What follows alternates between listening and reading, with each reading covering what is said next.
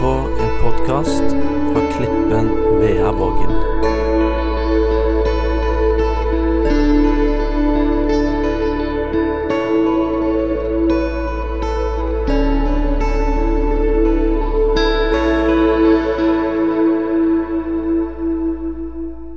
Nå må dere feste sikkerhetsbeltene, og så skal jeg ta dere med på en liten eh, dans i Guds ord. Amen.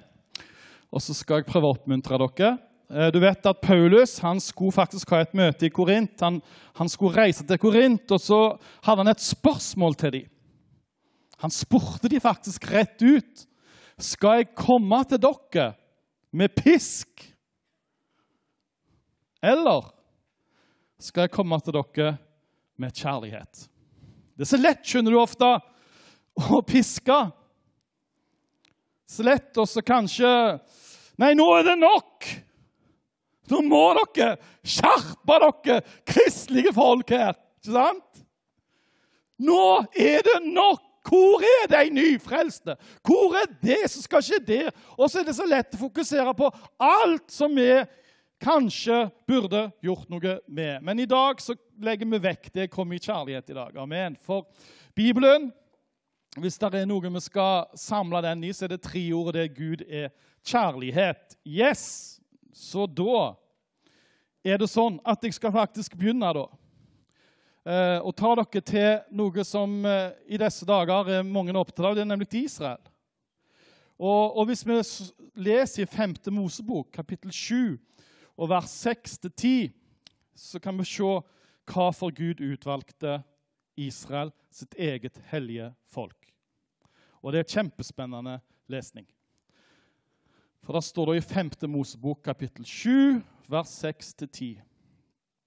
For et hellig folk er du for Herren din Gud. Deg har Herren din Gud utvalgt av alle folk på jorden til å være hans eiendomsfolk. Ikke fordi dere var større enn alle andre folk, fant Herren behag i dere, så han utvalgte dere. For dere er det minste av alle folkene, men Herren elsket dere. Amen. Eh, det er sånn, skjønner du, at når Gud skal utvelge, så er det noe i Guds hjerte som lengter etter den minste, etter de som kanskje sitter mest nedpå. Og så, og så er det bare Guds natur å lufte opp de som ingenting er. Og her ser vi et fantastisk eksempel på hvordan Gud tar ut et folk. Og så er det en grunn til at han tar ut det folket. Og det handler nemlig om at det folket skal bære fram Jesus til hele verden. Og vi kan lese om løfter som blir gitt til Abraham og til israelsfolket. Og hva handler det om? Det handler om selvfølgelig at Gud skal åpenbare sin kjærlighet på det folket. Det skal være et vitnesbyrd for meg og deg om hvor trofast Gud er, og hvor god han er imot alle som vil komme til ham. Men Gud har en hensikt med israelsfolket. Og til Abraham så sier han at du er velsigna av Gud. Ikke bare for din egen del, men du er faktisk velsigna for å være til velsignelse for andre. Og da er jo det noe vi kan ta til våre liv. Du har møtt Jesus, og han har møtt deg med all sin kjærlighet. Han har sett vekk fra alle dine feil og mangler, alle sjukt, alt. Han har bare sett vekk fra alt. Og så er han så takknemlig for at du kommer til han, og han møter deg med sin kjærlighet. Men han møter deg med din kjærlighet, og i den kjærligheten ligger det en utvelgelse. Idet meg det kommer til Jesus, så møter han oss med sin kjærlighet, og så velger han oss ut til å bringe videre den herligheten som han har gitt oss. Det er det som er hensikten for israelsfolket, å bringe Jesus, bære fram Jesus til verden. Og det er da hensikten til meg og deg. O, med våre liv, Vi som har opplevd Guds kjærlighet, er utvalgt til å bringe den herligheten og kjærligheten fra Gud videre til andre. Det er vel kanskje litt barnelærdom. Men vi skal gå videre. For det står i 1. Korinterbrev, kapittel 1, vers 27-29. Og der står det Men det som i verdens øyne er dårskap, det utvalgte Gud for å gjøre de vise til skamme. Og det som i verdens øyne er svakt, det utvalgte Gud for å gjøre det sterke til skamme. Ja, det som i verdens øyne står lavt, det som blir foraktet, det som ikke er noe, det utvalgte Gud for å gjøre til intet det som er noe. For at ingen mennesker skal ha noe å være stolt av ovenfor Gud. Amen. Her kommer det igjen. Hvem er det Gud utvelger? Han er nemlig ute til å gjøre det vise til skamme. Han, han, er ikke interessert i alt det som jeg det kan finne på. Han er interessert i å bringe fram sin guddommelige kjærlighet. Han er interessert i å bringe fram sin guddommelige fred til mennesker. Han er interessert i å bringe fram guddommelig helbredelse og legedom til mennesker som trenger det. Og hans plan er jo da meg og deg. Yes. Og så har du israelsfolket. Jeg ber for Israel. Spesielt i disse tidene ber jeg om fred for Jerusalem, og jeg ber om frelse for jødene, og jeg ber om at Gud skal holde sin hånd over land og folk. Men la oss være helt ærlige, folkens. Dette er ikke et perfekt folk. Kan vi bare innrømme det? Hvis du ser i Bibelen i Gamle og leser om israelsfolket, så er det absolutt ikke et perfekt folk Gud har utvalgt. Jeg, I menneskelige øyne vil jeg sitte på det ansvaret Gud tar på seg når han utvelger deg, som et mareritt. Og hvis vi blir kjent, Når vi blir kjent med deres historie i Bibelen, så forstår vi at det som holder det folket opp, oppe og bringe deg framover i historien. Det er kun og alene Guds kjærlighet og nåde. Amen. Og Da er det viktig for meg og deg å se på dette folket og se hvordan det, de som var utvalgt av Gud, på en måte gjerne oppførte seg. Og Da kunne vi snakket om Moses, som eh, enkelt og greit mange kan se på som nesten en fiasko. Han prøvde i seg sjøl å ta kontroll for å bli en leder av Israel som skulle redde dem fra egypterne. og Han var den utvalgte, og han kjørte på i egen kraft. Han drepte til og med en mann. Men så blir han faktisk forkasta av sine egne og rømmer vekk. Og forsvinner ut av historien. Vekk, langt vekk fra Vigeland. Han forsvinner helt til Vea, kanskje, eller enda verre Tutsier eller Fea. Jeg vet ikke. Han kan forsvinne hvor som helst. Han forsvinner ut av historien. Og sånt eh, skjer mange ganger med mange av oss òg. Men hva er det som er poenget her? Gud gir oss aldri opp, og han kommer til Moses, han som faktisk har drept noen. Han som har svikta totalt, og som har gjemt seg vekk og begynt et nytt liv en helt annen plass. Gud ser i nåde til han, og så reiser han opp som en mektig leder. Ut av ingenting reiser han han opp. Og Sånn er Gud. Skal vi gå videre? Der er en yndlingshistorie i Bibelen som jeg sikkert liker så godt, for jeg kjenner meg litt igjen i det. Og Det kan godt være noe som kunne vært et profetisk budskap inn i vår tid. For uh, Gideon han levde i ei ugudelig tid i landet sitt. Hvor israelsfolket var tunga ned, og hvor det var mye motstand, og hvor de hadde masse problemer. Utfordringer. Og de hadde gitt opp i å gjøre motstand imot fienden. De hadde gitt opp, de bare lot alt suse av gå.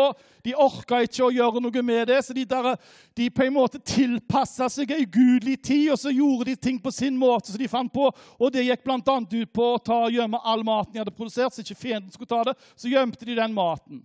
Altså, Her har de gitt opp, kan du si. Her ser de ikke lenger hva de er i stand til sjøl å gjøre for faktisk å få en ordning på dette her. Men så står det da i Gideon, kapittel 6, fra vers 11.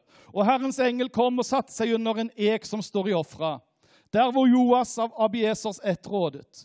Gideon, hans sønn, sto der og tresket hvete i vinpersen for å berge den for midjanittene. Og Herrens engel åpenbart seg for ham og sa til ham, Herren er med deg, du djerve kjempe.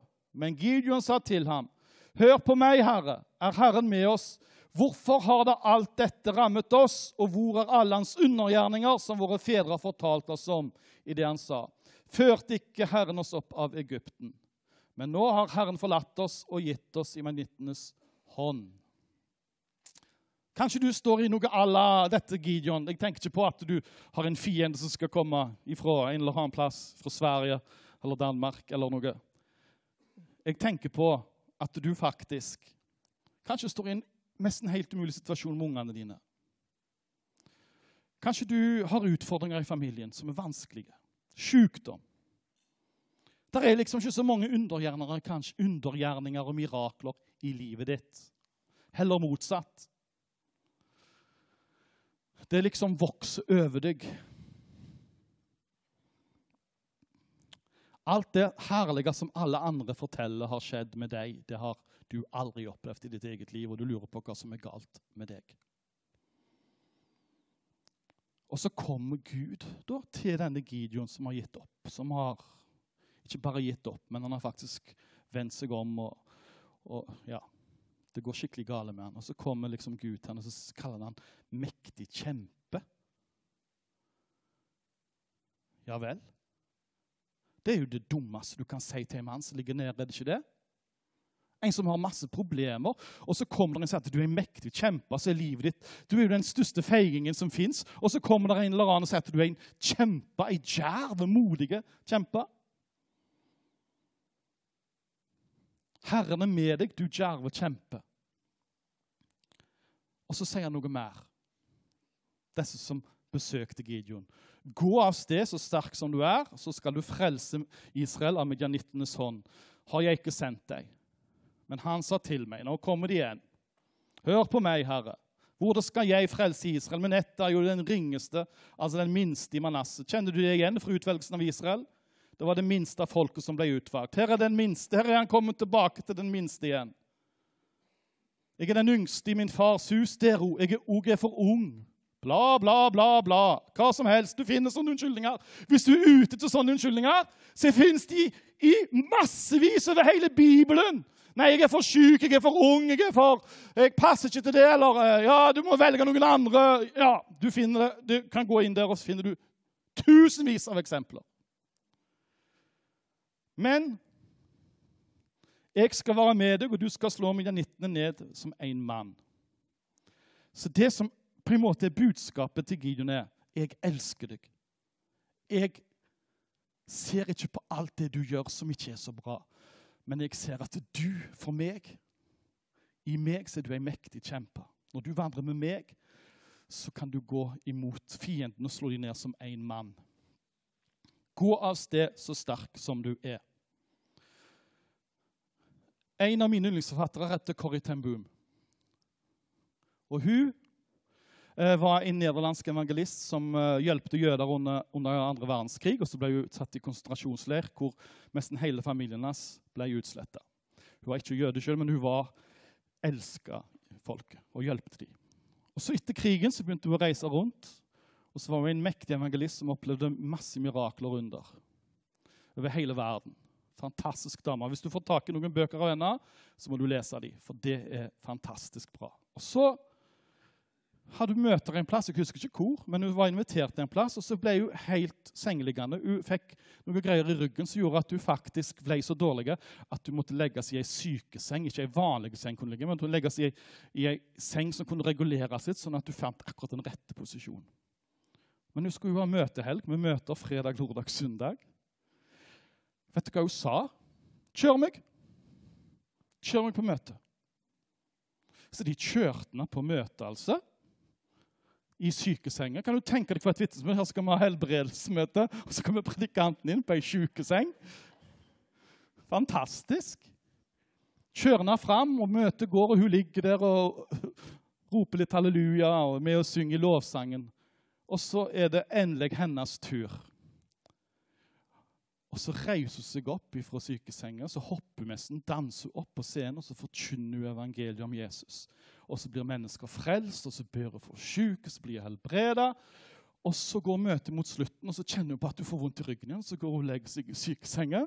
Så kjører hun ut av lokalet og inn der hun bor. Og så fortsetter møtekampanjen med en predikant som var sengeliggende.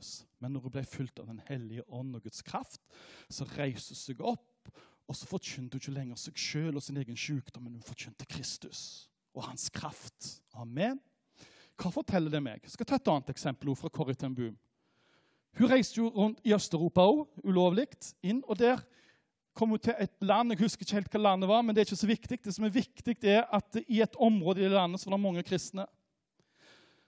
Og der var det ei kvinne som eh, hadde en leddsykdom som gjorde at hun faktisk var helt paralysert og hadde kun én fing hun kunne bevege. Og Med den fingeren så kommuniserte hun med vennene sine. og Hun var en overgitt, herlig kristen som elska Jesus. Og så var det snakk om å oversette den Bibelen til deres språk i det området. Men politiet og hemmelige politiet var alltid på jakt etter kristne i det området. så De var, de var der hele tiden og undersøkte. Men etter de, hvert de ble kjent med henne fordi at hun var ingen fare, så hun kjære venner, hun med den fingeren oversetter Bibelen, Nytestamentet til språket sitt. Og den Bibelen ble utgitt over hele landet. Sitt ned på hverandre. Eneste du kunne bevege av fingeren. Allikevel så brukte gudene mektig. Hva er det Leif Rode vil fram til? Det er ikke meg og deg sine fantastiske egenskaper eller talenter som avgjør om Gud kan bruke oss. Det er ikke sånn at du skal komme opp på et visst nivå som kristen før du kan bli brukt av Gud. Dere vil sikkert se det på Vigeland, at noen av de nyfrelste er mye mer på hogget enn folk som har vært kristne i mange mange år. Er, du, du, vi må slutte å, å, tenke på at han er, han er nyfrelst. Han kan ikke gjøre så mye for Gud. Han kan gjøre masse for Gud. For det er ikke han som skal gjøre det, det er nemlig Kristus i han. Det er hans kraft, Den hellige ånd, som skal gjøre det gjennom han. Men hvis jeg og deg er så perfekte, da, som skal få alt til sjøl, så kommer det ikke til å skje så mye. For Gud, han er rett og slett avhengig han, av uperfekte mennesker som forstår sin stilling overfor Gud og overfor andre mennesker. Men hva er det som skjer i menigheten? Jeg skal gå til avslutning nå. Så skal vi bare ta to ting til, så skal jeg si amen. Og så skal jeg prøve å holde det men jeg lover ingenting. 2. Korinterbrev, kapittel 5, vers 16 og 17. Så kjenner vi da fra nå av ikke noen etter kjødet. Og har vi kjent Kristus etter kjødet, så kjenner vi ham nå ikke lenger slik. Derfor, om noen er i Kristus, da er han en ny skapning. Det gamle er forbi. Så alt er blitt nytt.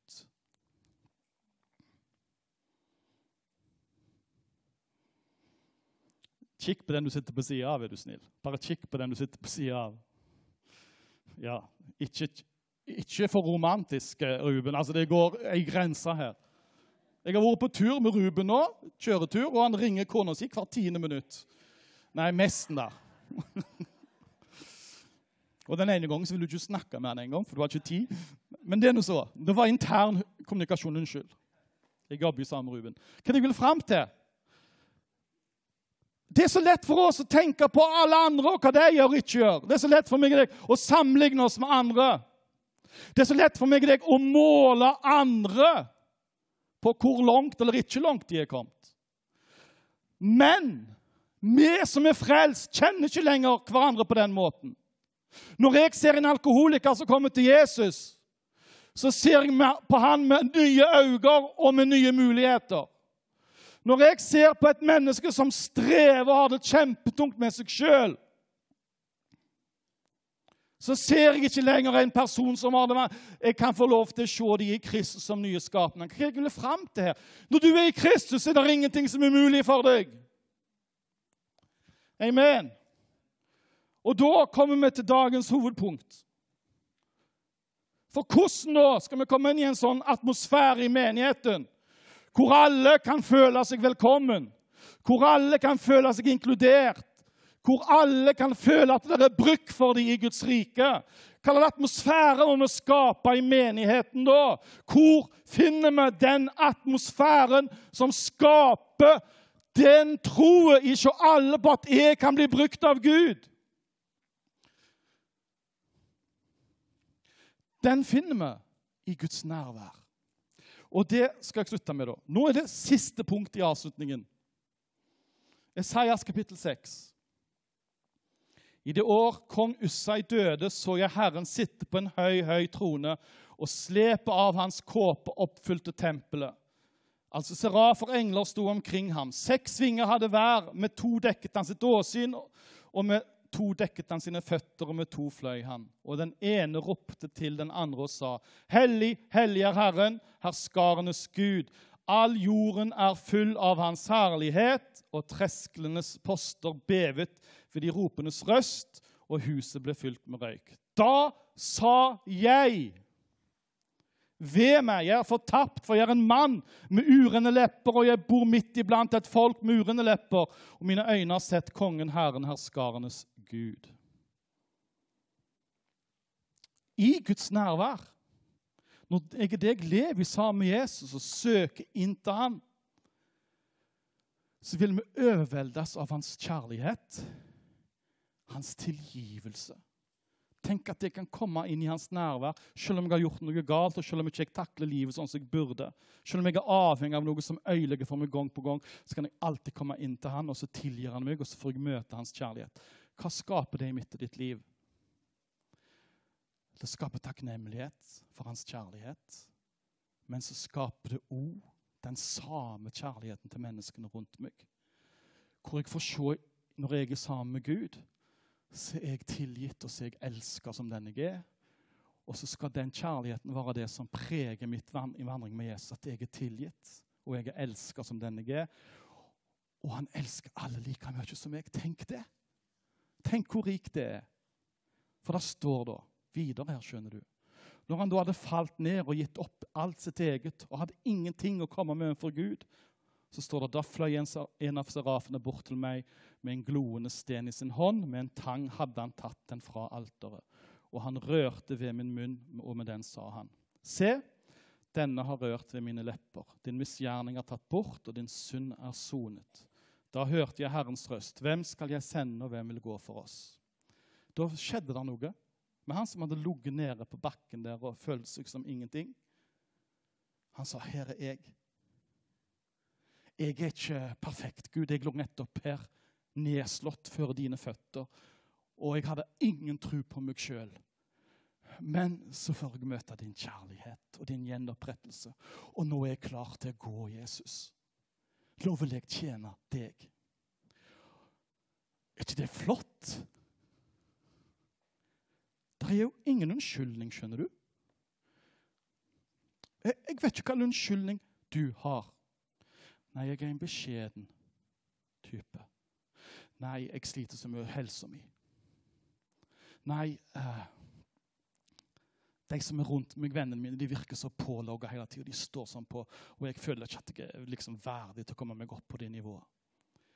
Det er så mange ting som jeg og deg plager oss med. Og vet du hva? Vi skal få lov til å plage oss med det. Og vi skal få lov til å komme med Jesus med det. Og så skal vi få oppleve at han reiser oss opp igjen gang på gang i vår svakhet. De største vekkelsene i Norge, hvordan begynte de? I Oslo var det en vekkelse de regnet med under Frank Mangs, hvor 100 000 mennesker ble frelst. Hvor begynte den vekkelsen hen, spør jeg deg. Den begynte i ei juniorgruppe. Unger som var samla, ganske mange, på et juniormøte. Og under det møtet så ba ungene, og så falt Den hellige ånd over dem. Og ut ifra det møtet så eksploderte vekkelsen. Vi skal ikke se ned på noen med. For Gud han kan bruke alle. Og hvis ikke vi får det fram i budskapene våre i menigheten, og kommer inn i det livet hvor vi alle får bruke Gud med det han har gitt oss, til tross for alle våre skrøpeligheter, så blir det ingen vekkelse. Det er jo alvoret her. Men jeg har tro på dere i Kristus. Amen.